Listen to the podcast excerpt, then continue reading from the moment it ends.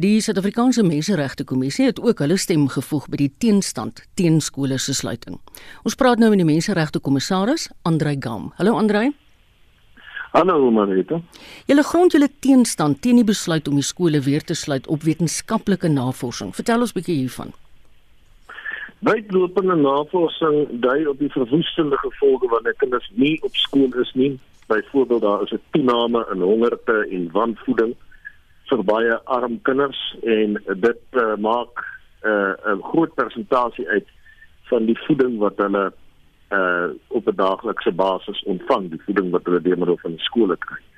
Daar is ook 'n stygings in kindermishandeling, angstigheid en depressie wat by kinders plaasvind En daar is 'n groter kans dat kinders as hulle nie skool bywoon nie, alleen by die huis gelos word wanneer hulle versorgers moet gaan werk. Ons het nou gesien dat baie ouers en dis meer ehm um, verlang nie kon werk nie. Hulle het nou die geleentheid om terug te keer werk toe. Almal kan nie alternatiewe sorg vir die kinders bekostig nie en dan moet hulle nou eintlik kies tussen om terug te gaan werk toe of om na hulle kinders te kyk wat 'n onmoontlike keuse is.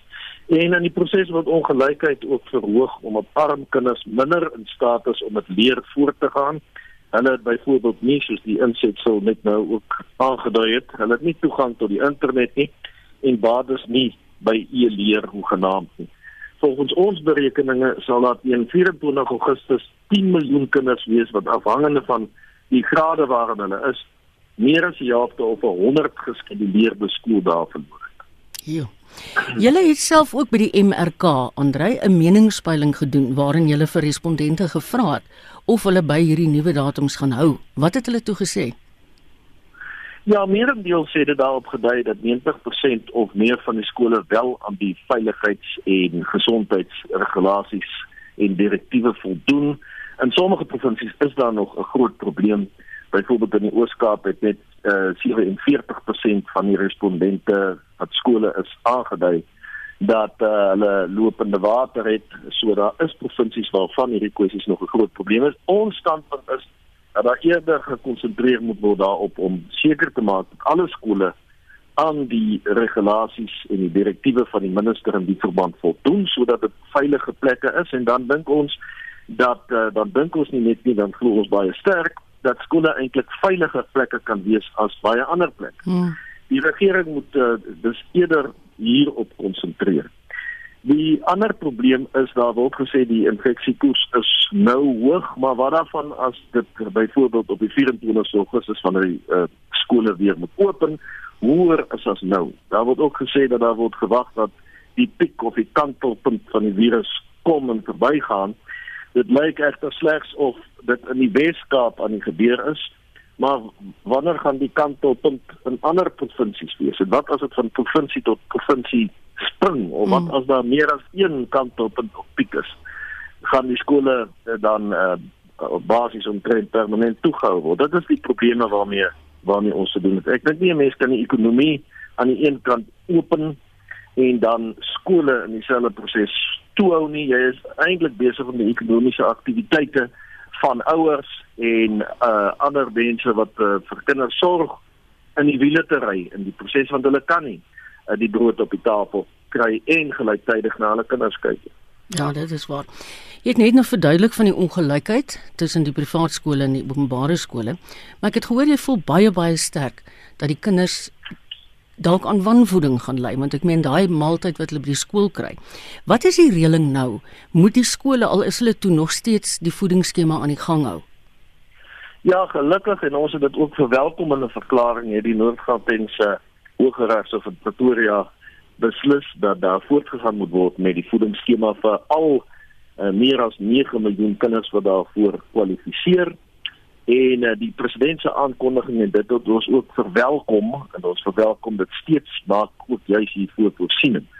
Maar uh, wat ons betref is een van die groot probleme soos ook nou pas deur die vorige inset uh uitgewys dat uh, selfs openbare skole baie openbare skole kan inderdaad dan nou voortgaan met aanlyn onderwys maar maar hoe gemaak met die leerders mm. wat nou al sedert maart by die huis sit en geen vorm van opvoeding ontvang het nie en daarom dring ons daarop aan dat tesame met die voedselverspreiding wat nou verpligtend is en gaan plaasvind in gevolg die president se aankondiging skole ook aan die leerders wat nie kan baat by aanlyn onderwys nie leermateriaal beskikbaar stel en die menseregte kommissie gaan nie net die verspreiding van kos in gevolg die voedingsskema nie maar ook die verspreiding van leermateriaal moniteer van nou af. Is julle self as kommissie betrokke by die verspreiding van kos en leermateriaal? Nee, ons is nie betrokke by die verspreiding daarvan nie, maar wat ons wel gaan seker maak is dat dit inderdaad gebeur.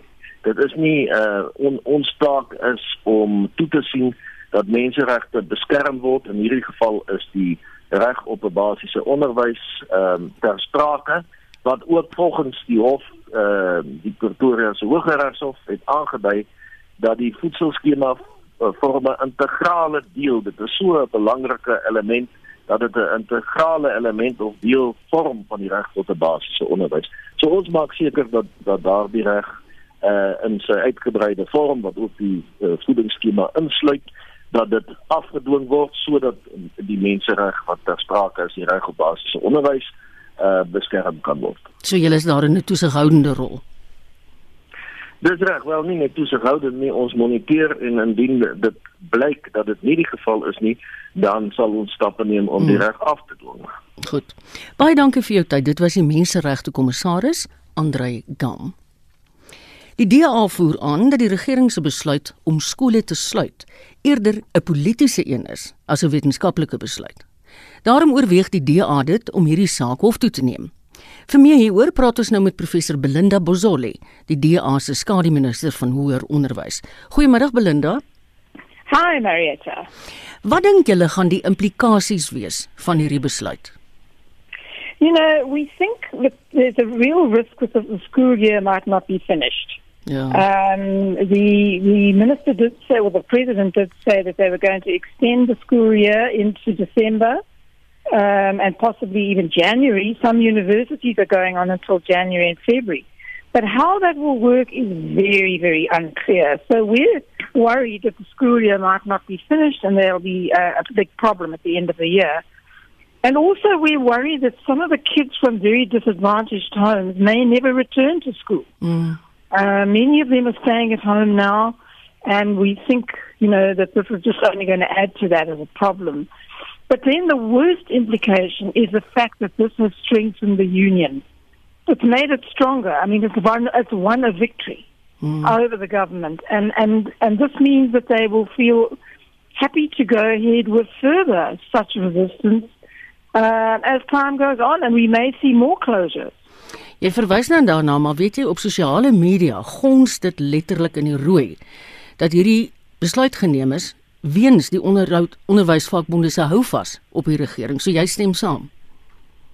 Yeah, I think they have an absolute hold over over government. Um, and you know the the sad thing is that they're prepared to use strong arm tactics to mm. reinforce their hold. I mean, stories are coming in now of COSTAT which is presumably influenced by or possibly even encouraged by the unions, uh, going around and forcibly closing schools, even before the, the, the president's decision, um, and making threats.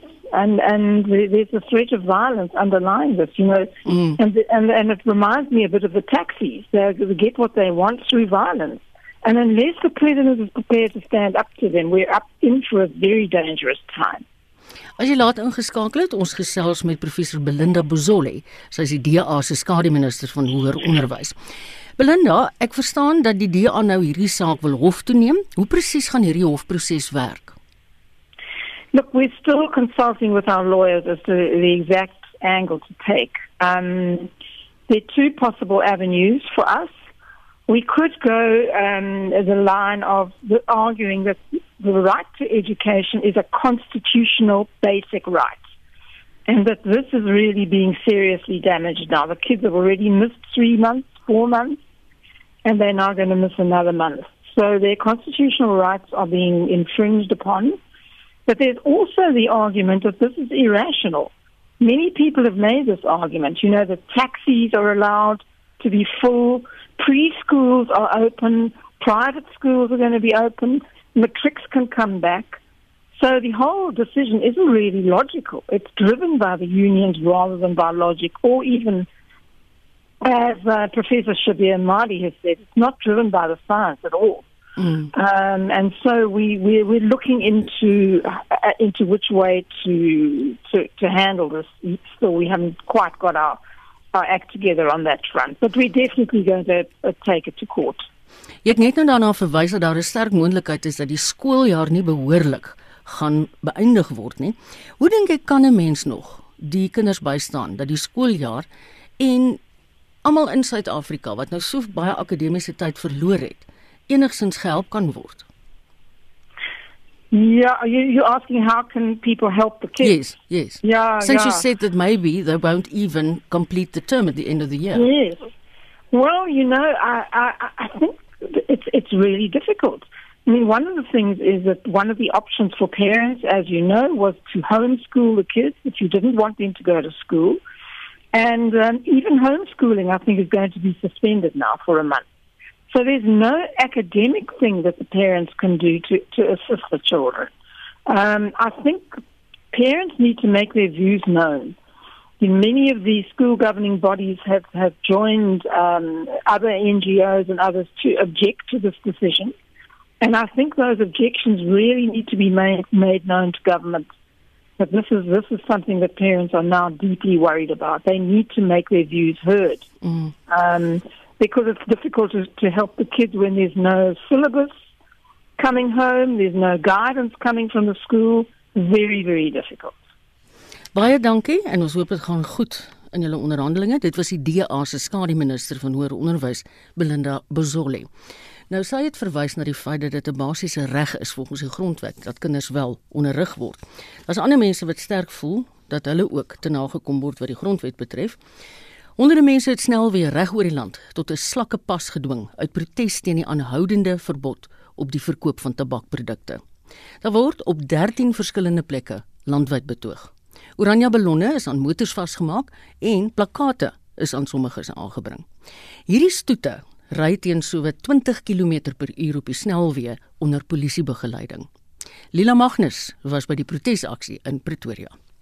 Een van die organiseerders van Rokers Verenig Suid-Afrika, Linda Barnard, sê hierdie is die eerste van vele vredesame protesaksies wat hulle beplan om die regering te dwing om die verbod op die verkoop van tabakprodukte op te hef.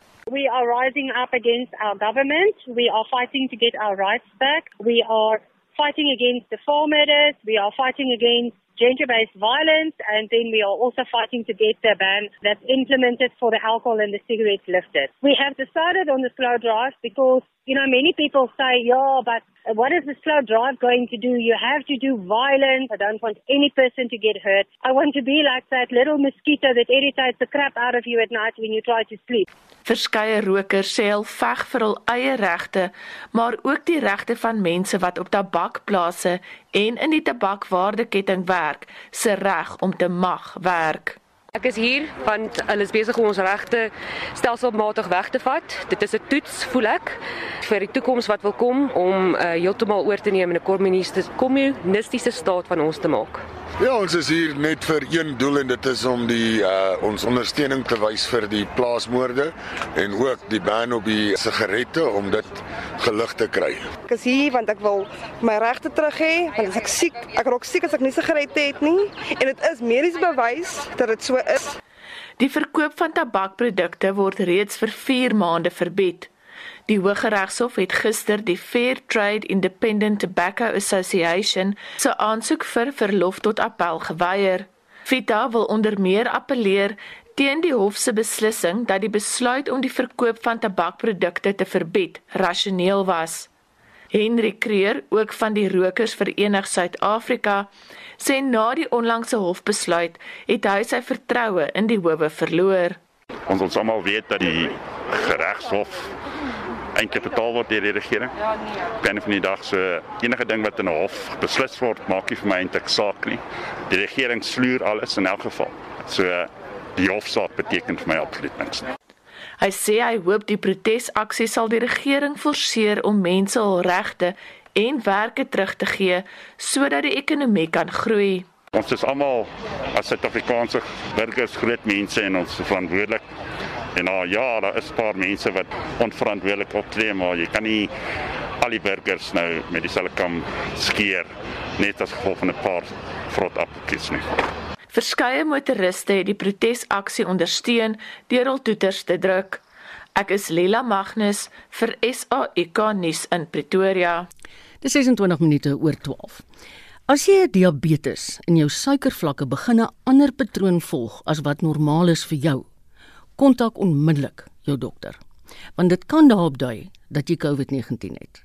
Dis die raad van dokter Adri Kok, 'n spesialis internis en president van die Internisvereniging van Suid-Afrika. Kok verduidelik hoekom mense met diabetes veral kwesbaar is. Wat ons sien is dat persone wat diabetes het, het 'n hoër risiko om die COVID-19 te kry. Maar meer belangrik, hulle kry dit 'n erger graad as hulle suikers nie gekontroleer is nie. So die hele probleem is dat so baie van ons pasiënte se suikervlakke is glad nie onder beheer nie. En ek dink hierdie pandemie het net vir ons gewys regtig hoe swak die suikerkontrole is van baie van die pasiënte. Ek sou sê amper 80% van my pasiënte het tekens van COVID opgetel omdat hulle sleg gekontroleer is en dis die probleem. Jy weet ons het nie gesien tot watter mate hulle geaffekteer is totdat hierdie pandemie verbygekom het nie. Want wat gebeur is dat die mense het ek dink dit baie keer geïgnoreer. En ek dink wat gebeur is dat die ouens het gedink dat 'n redelike suiker, weet 10 of 12 of so vlakke was goed geweest, maar dit is 'n totale disaster vir pasiënte nou met die COVID epidemie. Die COVID affekteer 'n mens se bloedvaatjies. Nou wat gebeur met diabetes natuurlik is 'n ou se bloedvaatjies is ook geaffekteer en dit veroorsaak dat 'n mens verharding van die bloedvaatjies kry en 'n risiko het vir goed soos beroertes en hartaanval, daai tipe van ding.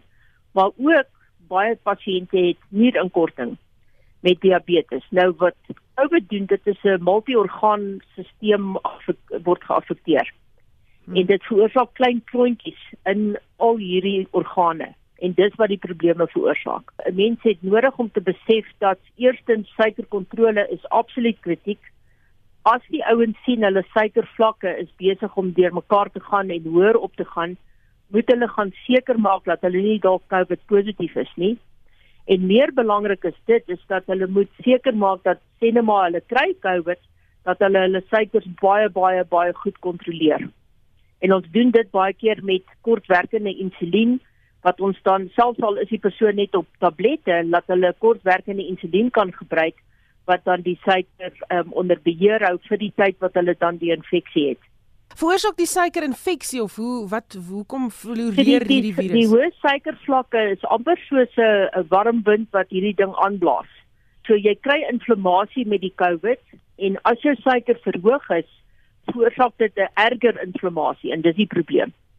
En die risiko van die komplikasies van COVID is soveel hoër as jou suiker nie gekontroleer is nie. Dis die uitdaging wat ons mee sit. Goed dan die kontrolering van suiker. As jy nou privaat medies het skat ek het jy so 'n masjienkie om te kan meet. Maar wat van pasiënte wat in die staatsdiens is?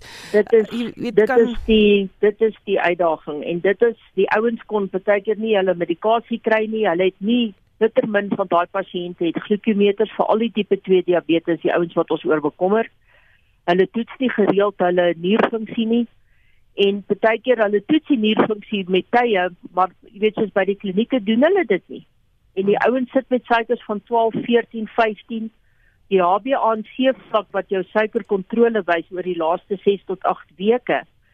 Baie van hierdie pasiënte kom in dan so 10%, 12%, 14% en dit moet onder 7% wees om te weet dat jy komplikasies kan voorkom in die langtermyn. In elk geval never mind nou oor die COVID epidemie en as jy kyk na die komplikasies wat ons sien jy weet dit is ouens kry klonte in hulle organe. So die COVID veroorsaak dit maar as jy diabetes het met 'n hoë suiker dryf dit daai proses net al hoe meer. Hoe groot probleem is diabetes in Suid-Afrika oor die algemeen? Van 2012 af wêreldwyd die insidensie van diabetes absoluut net in die hoogte ingeskiet. Die ander groot probleem natuurlik is obesiteit, oorgewig. En met COVID natuurlik is dit ook 'n disaster want die ouens wat oorgewig is, het ook hierdie inflammatoriese proses wat in die liggaam aan die gang is en natuurlik met COVID by is dit besig om die spoorprobleem te vererger.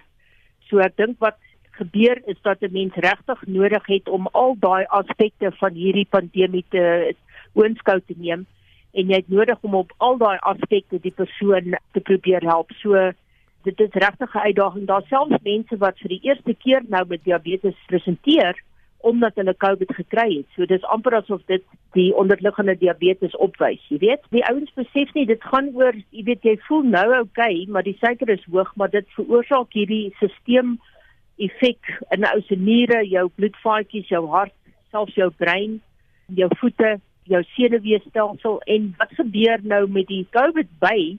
Dis net soort van vermenigvuldig. So al die risiko is net soveel erger en as jou suiker op daai stadium hoog is, het jy die probleem dat dit die hele proses vererger en die pasiënte doen regtig net nie goed nie. Dis baie meer moeilik om hulle te behandel en natuurlik ons gebruik ook dexamethasone om hulle te behandel wat ook 'n steroïd is en dit kan die suiker opstoot. En die ander probleem is dat met die COVID het die ouens ook 'n weerstandigheid teen insulien. So mense het hoër doserings van insulien nodig om hulle onder beheer te kry. So sê Dr. Adri Kok, 'n spesialis internis en president van die Internisvereniging van Suid-Afrika, sy het met Susan Paxton gepraat. In sy weeklikse motorrubriek, toets Wessel Pretorius 'n Renault.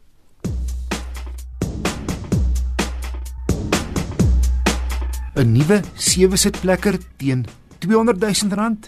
Jep, dis wat Renault nou bied met sy Triber en jy spel hom T R I B E R in wese 'n hoëstaande snoetbussie met kruisvoertuigkenmerke. Voorlangs 'n heel netjiese generiese Renault neus. Hy het dakreëlings wat 50 kg kan dra, hoë swart wielbo, skraapplate voor en agter en 'n goeie 182 mm grondvryhoogte verskaf die gewilde sportnutsgeer. Dis verbasend hoeveel spasie in hierdie lyf van net 4 meter beskikbaar is danksy 'n kort neusgedeelte word die res van die waantjie slim en prakties ingespan met 3 rye sitplekke. Nou goed, die twee sitplekke in die derde ry is wel net vir kinders bedoel, maar kan elkeen afsonderlik opvou of elk redelik maklik heeltemal verwyder word vir 'n groot bagasieruim. Die tweede ry sitplekke kan vorentoe en agtertoe skuif en die rugleunings kan verstel of vorentoe platslaan. Trouwens, jy kan al die passasiers se rugleunings, ook die heel voorste ene, platslaan as jy lang voorwerpe soos 'n besem of 'n visstok of selfs 'n fiets wil inpas. Die reeks begin by R178000. Ek het die duurste van drie modelle gery, genaamd Prestige, wat teen R202900 meer toerusting het as verwag en teen die prys 'n heel smaakvolle kajuit het. Boonop voel die materiale se kwaliteit heel goed. Die model kom met 15 duim alloy wiele, 'n sentrale skerm wat met jou slimfoon koppel, sleutellose toegang en aansluiting, elektriese vensters en syspieëls, kragpunte voor en agter en die agterste passasiers kan hul ligversorging apart stel. Hy het nogal 'n interessante instrumentpaneel, die spoed word elektronies aangegee en jou toeremeter is ook elektronies. En dan kan die sentrale kussie tussen die twee voorste sitplek verkoel nogal drie verskillende stellings. Veiligheidskenmerke sluit in vier ligsakke, ABS rieme, 'n driebeeld en drie sensors en dagryligte.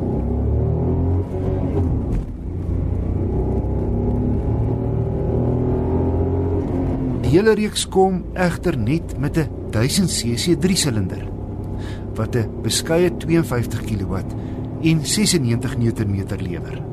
Hoewel die Triber minder as 1000 kg weeg, verloor hy gou stoom teen opdraandes hier in die dun Hoëveldse lug. Minder opvallend in stadsverkeer danksy lae radverhoudings, maar op die oop pad is afrat jou voorlaat, veral wanneer volgelaai en die ligversorging aangeskakel terug vierde toe. Vierde vat jou tot so kilometer 24. So vierde vat jou net verby die spoedgrens. Dis 'n rad wat jy gereeld gebruik om momentum teen selfs minder styl opdraandes te behou. Vyfde rad laat sak die toere darm met 'n volle 27% om van die geskree weg te kom. Ongelukkig het die 1 liter turbo wat oor see beskikbaar is, nog nie sy weg hierheen gevind nie. Maar twee positiewe dinge moet ek daarom noem oor die Triber. Teen 120 km/h voel hy meer padvas as die kleiner Renault Kwid en hy hanteer ongelyke padoppervlaktes bo gemiddeld goed. Ek het 6,7 liter per 100 km gemeet op my gekombineerde stad en ooppadroete. Nie sleg in ag geneem dat mens dikwels die revolusies moet opjaag nie. Om op te som, dis jammer dat die flou masjien afbreek doen aan die Indies vervaardigde Renault Triber. Want andersins het die prestige model my verras. Hy lyk en voel duurder as wat hy is. Teen net meer as 200 000 rand bied hy buitengewoon goeie gerief, toerusting, spasie en veelsidigheid.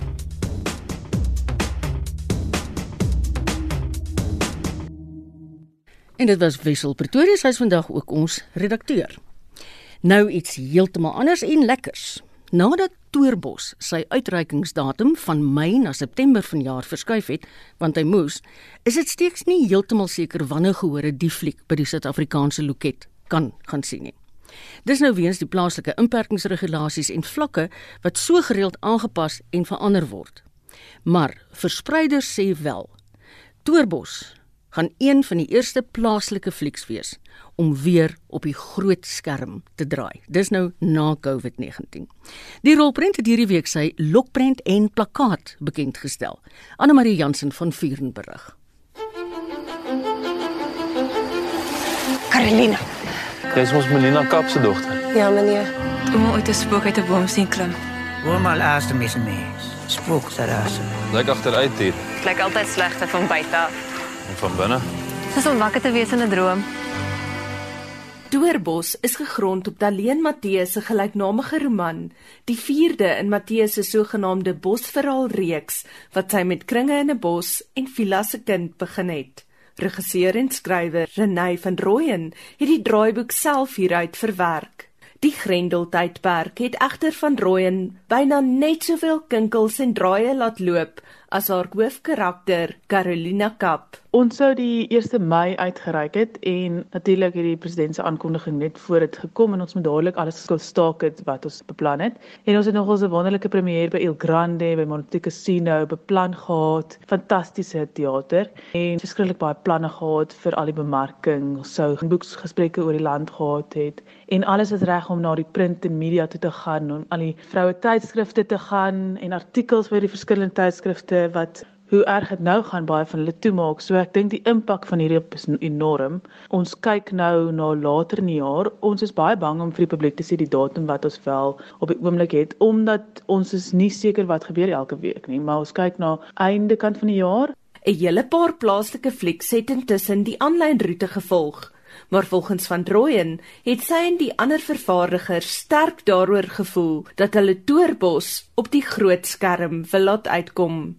Die film het 'n uh, baie wonderlike prys gewen by die Kaapstad Internasionale Filmfees wat ons die kans gegee het om by 'n groot maatskappy wat die naproduksie en klank doen op die film dit te laat meng en hulle werk op wonderlike films, groot internasionale produksies soos The Crown en dis die eerste keer wat hulle 'n plaaslike produksie doen, Workroom. En ons voel net dat die ervaring wat jy kry in die teater met hierdie klank van die bos en die manier hoe ons dit ook verfilm het, kinematograaf Brendan Barnes, is regtig om 'n cinematic teater ervaring te gee vir die gehoor. En saam met die verspreiders en hierdie vervaardigers, Andrei Skols en Drie Skols, wou ons baie graag druk om vir die gehoor daardie ervaring te gee wat ons voel regtig dat ons hulle wil wegneem na 'n plek soos die Nysna bosse van die 1930. Veral in die tyd van ingehokheid waar ons so vasgevang word in ons huise en ons klein spasies. Selfs in die tyd dat ons nie kon na parke toe gaan nie en nie kon buite toer nie. Ek dink ons het so gemis om daardie koneksie met die natuur te hê. En ek dink dit sal 'n ongelooflike ontsnapping wees vir die gehoor as hulle gaan na die teater toe om daai te ervaar. En ons hoop is dat ons werklik die gehoor kan wegvoer in 'n ander wêreld in 'n ander tyd en daardie ontsnapping vir hulle te gaan kan gee, nie net in die pragtige liefdesverhaal van Johannes en Carolina nie, maar ook in 'n wêreld wat hulle dalk mis. Beeldskone woude. Intussen sê van Rooyen dat COVID-19 dalk al bemarkingsplanne ontwortel het, maar nie gekortwiek het nie. Daarom het hulle nou die rolprent se lokprent en plakkaat bekend gestel. Carolina, ek het gekom om te vra of jy met my sou trou. Jy moet uit die bos uitkom. Ek kan vir jou 'n beter lewe gee. Vir my nog. Jy kan nie terugkom hiernatoe nie. Nooit nie. Ons het ook die plakkaat hierdie week uitgereik. Dit wys vir Carolina Pen Johannes Stander op die voorblad en ons het net gevoel dit is baie belangrik om hulle voor te stel aan die publiek. Want hulle het so 'n ongelooflike chemistry hierdie twee karakters. Ons het in die verlede 'n ander plakkaat gehad wat ons slegs vir die Silverskermfees gehad het. Dit sal ons ook in die boekwinkels sien op die voorblad van die, die nuwe uitgawe van die boek wat ongelooflik goed gedoen het, hoor ek ook wat baie goeie nuus is. Maar daardie was vir ons meer 'n uh, kunsweergawe van die plakkaat. Die liefdesdriehoek tussen Carolina Carolina en Johannes en die woud is die deel waarop die film gebaseer is. is ons kyk hoe sy vasgevang is in haar liefde tussen hierdie twee wêrelde, Johannes se wêreld en die bos en die pragtige agtergrond van die Nysna woude. Ons is nie bosmense nie. Sal jy gaan nie al sleep hier ons nie weg. Tot die goeie julle almal in die bos uitsmy. Jy het self gesê as jy wil sien. Dit was regisseur en draaiboekskrywer Renay van Rooyen en ek is Anne Marie Jansen van Vuren vir SAK nuus. Die wêreldbekende Belgiese skilder en ook priester, Vader Frans Klaarhout, is vroeër van dese maand 14 jaar gelede oorlede. Hy sou vanjaar 100 jaar oud gewees het. Hy het op die ouderdom van 27 in 1946 as 'n sendeling van die Rooms-Katolieke Kerk na Suid-Afrika gekom en jare lank in Tabanshu en Tweespruit in die Oos-Vrystaat gewoon en as priester gewerk as ook geskilder. Mense het hom graag daar by sy ateljee besoek.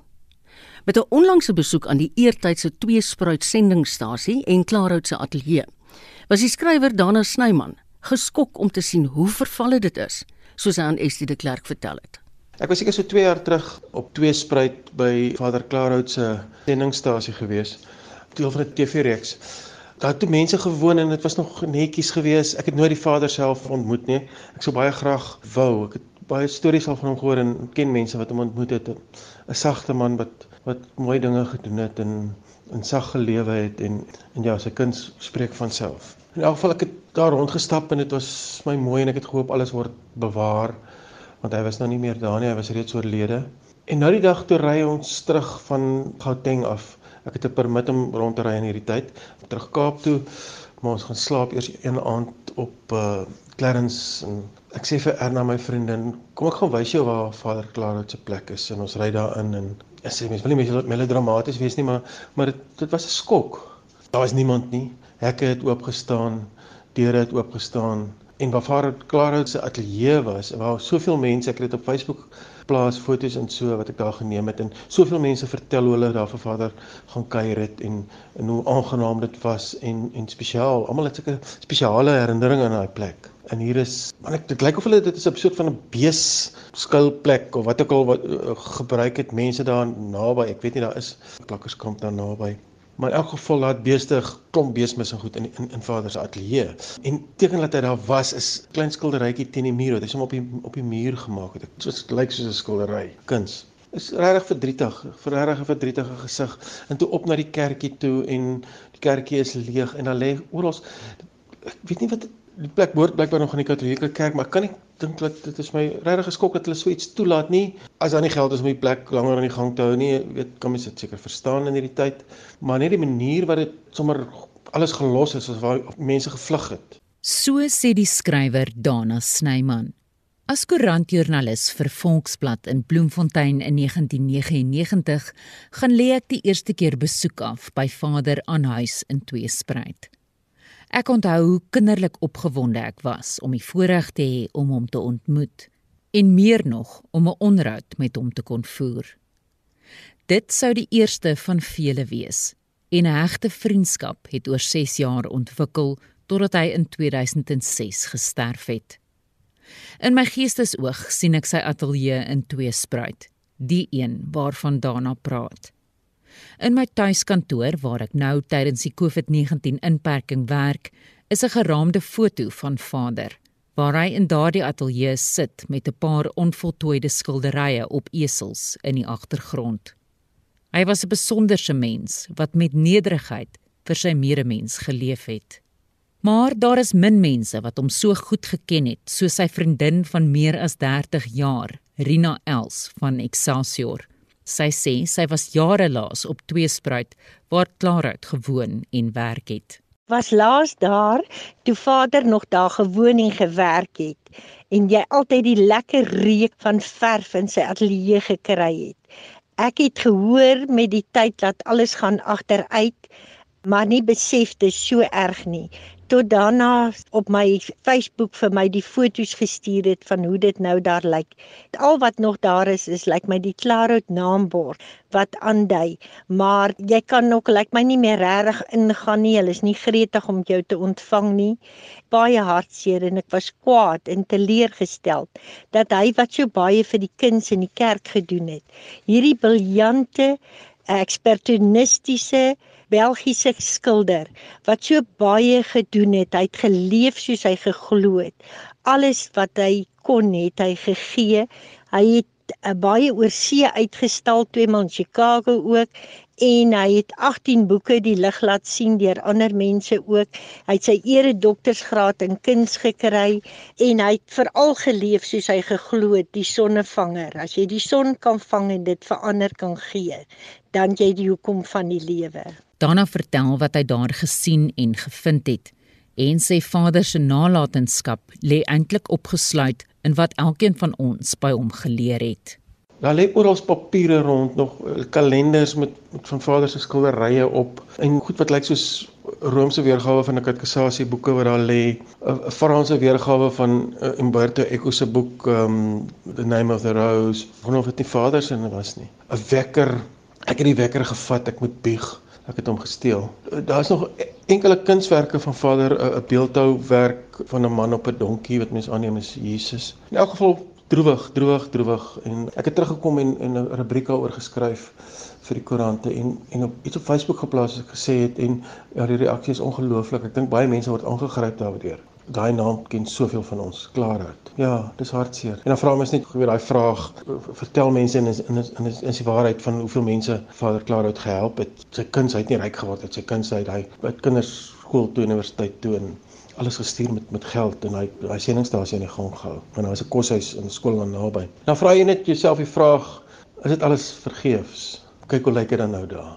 Waarskynlik is hulle al klaar besig of iemand gaan verbykom en die die vensterramme begin uitbreek en die deure en die daar's nog houtvloere daar. Maar toe ek al wegry het, dink ek miskien is dit nie heeltemal so vergeefs nie want want Vader klaar het op mense geskryf ook. Hy het van mense klein kunswerke probeer maak, probeer hulle te help. Dis die geboue ja, alles te vergeefs. Alles gaan op die oomblik stop word. Sê ons kan maar net so half op mekaar skryf. Preek ek nou. Dit is die nalatenskap wat Rina eer in haar ateljee Pelican Art op Excelsior. Sy bestuur ook 'n kunsprojek waar sy jong opkomende kunstenaars, veral minder bevoorregte kunstenaars, oplei. Dit word ter nagedagtenis aan Klaarhout gedoen.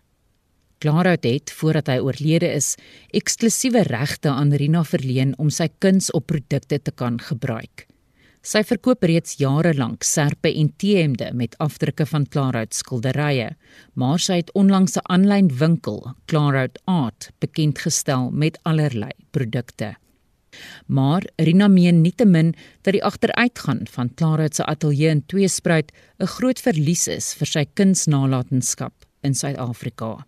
As mens dink aan die huiskerk wat daar was met die houtpanele wat hy opgeverf het en die altaarbeelde onder die pote en as mens dink aan sy ateljee en die reuk daarvan, daar's lyk like my 'n paar buite beelde oor, maar niks niks is meer dieselfde wat mens vroeër daar gekom het nie. Maar een ding wat ons moet doen. Vader Klaarhout het kuns omtrent in elke huis in hierdie land ingebring. Almal kon ewe skielik kunskenners word en kuns aankoop by hom al. En die groot ding is hy het geglo Met kuns kan jy 'n land verander. Kom ons vat hande in hierdie land en ons verander deur kuns weer ons land terug.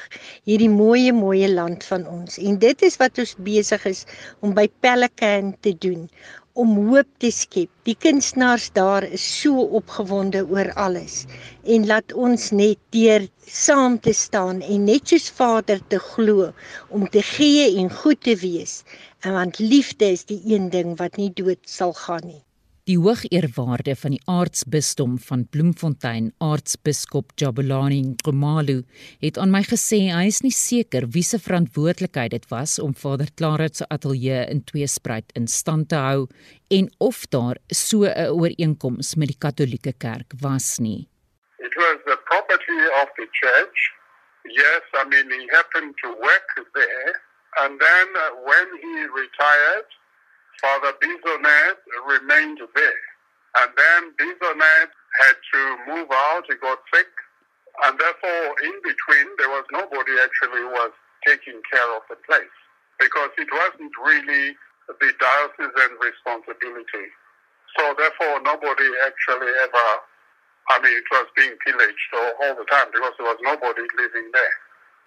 And Archbishop, do I understand you correctly that that church in Tweespruit is not a functioning church anymore? It's not functioning at all.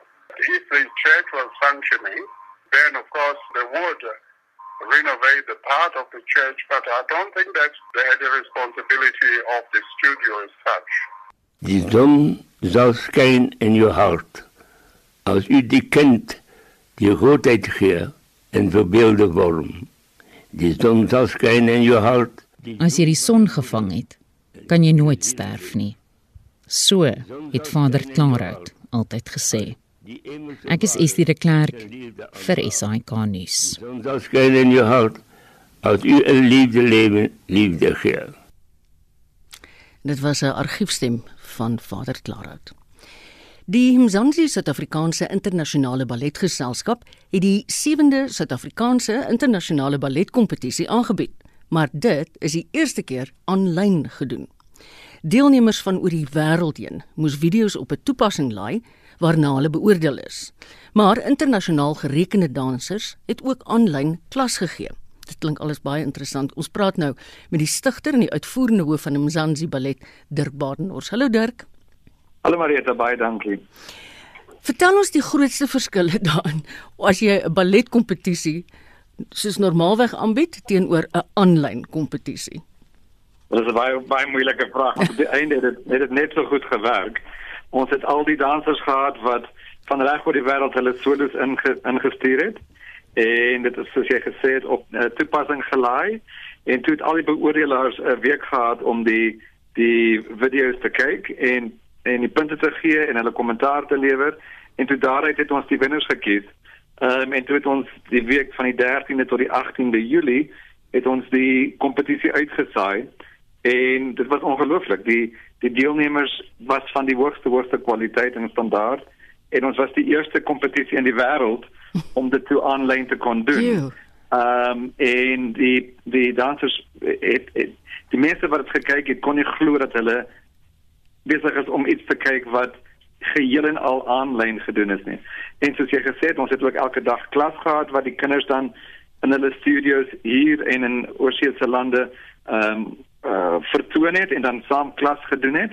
En ons het ook elke dag 'n lewendige paneelbespreking gehad ehm um, met ongelooflike onderwerpe, ongelooflike deelnemers, hoofde van balletgeselskappe van die Engelse Nasionale Ballet tot die Hollandse uh, Dutch National Ballet tot um, in Australië. Ons het hoofde van skole gehad van Cuba tot in China.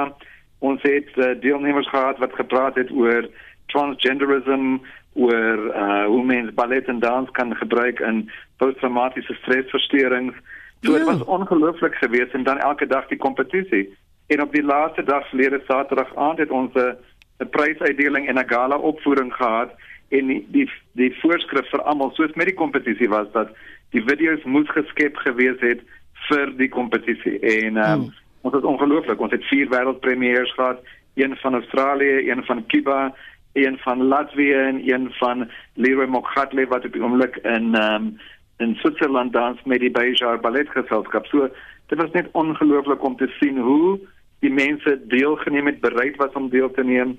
Die beoordelaars was bereid om hulle tyd te gee en ons het soos ek gesê het wêreld eerste geskep wat ek dink die die die pad stig vir die Smalbongo het gesê it's opened the floodgates to many many more opportunities.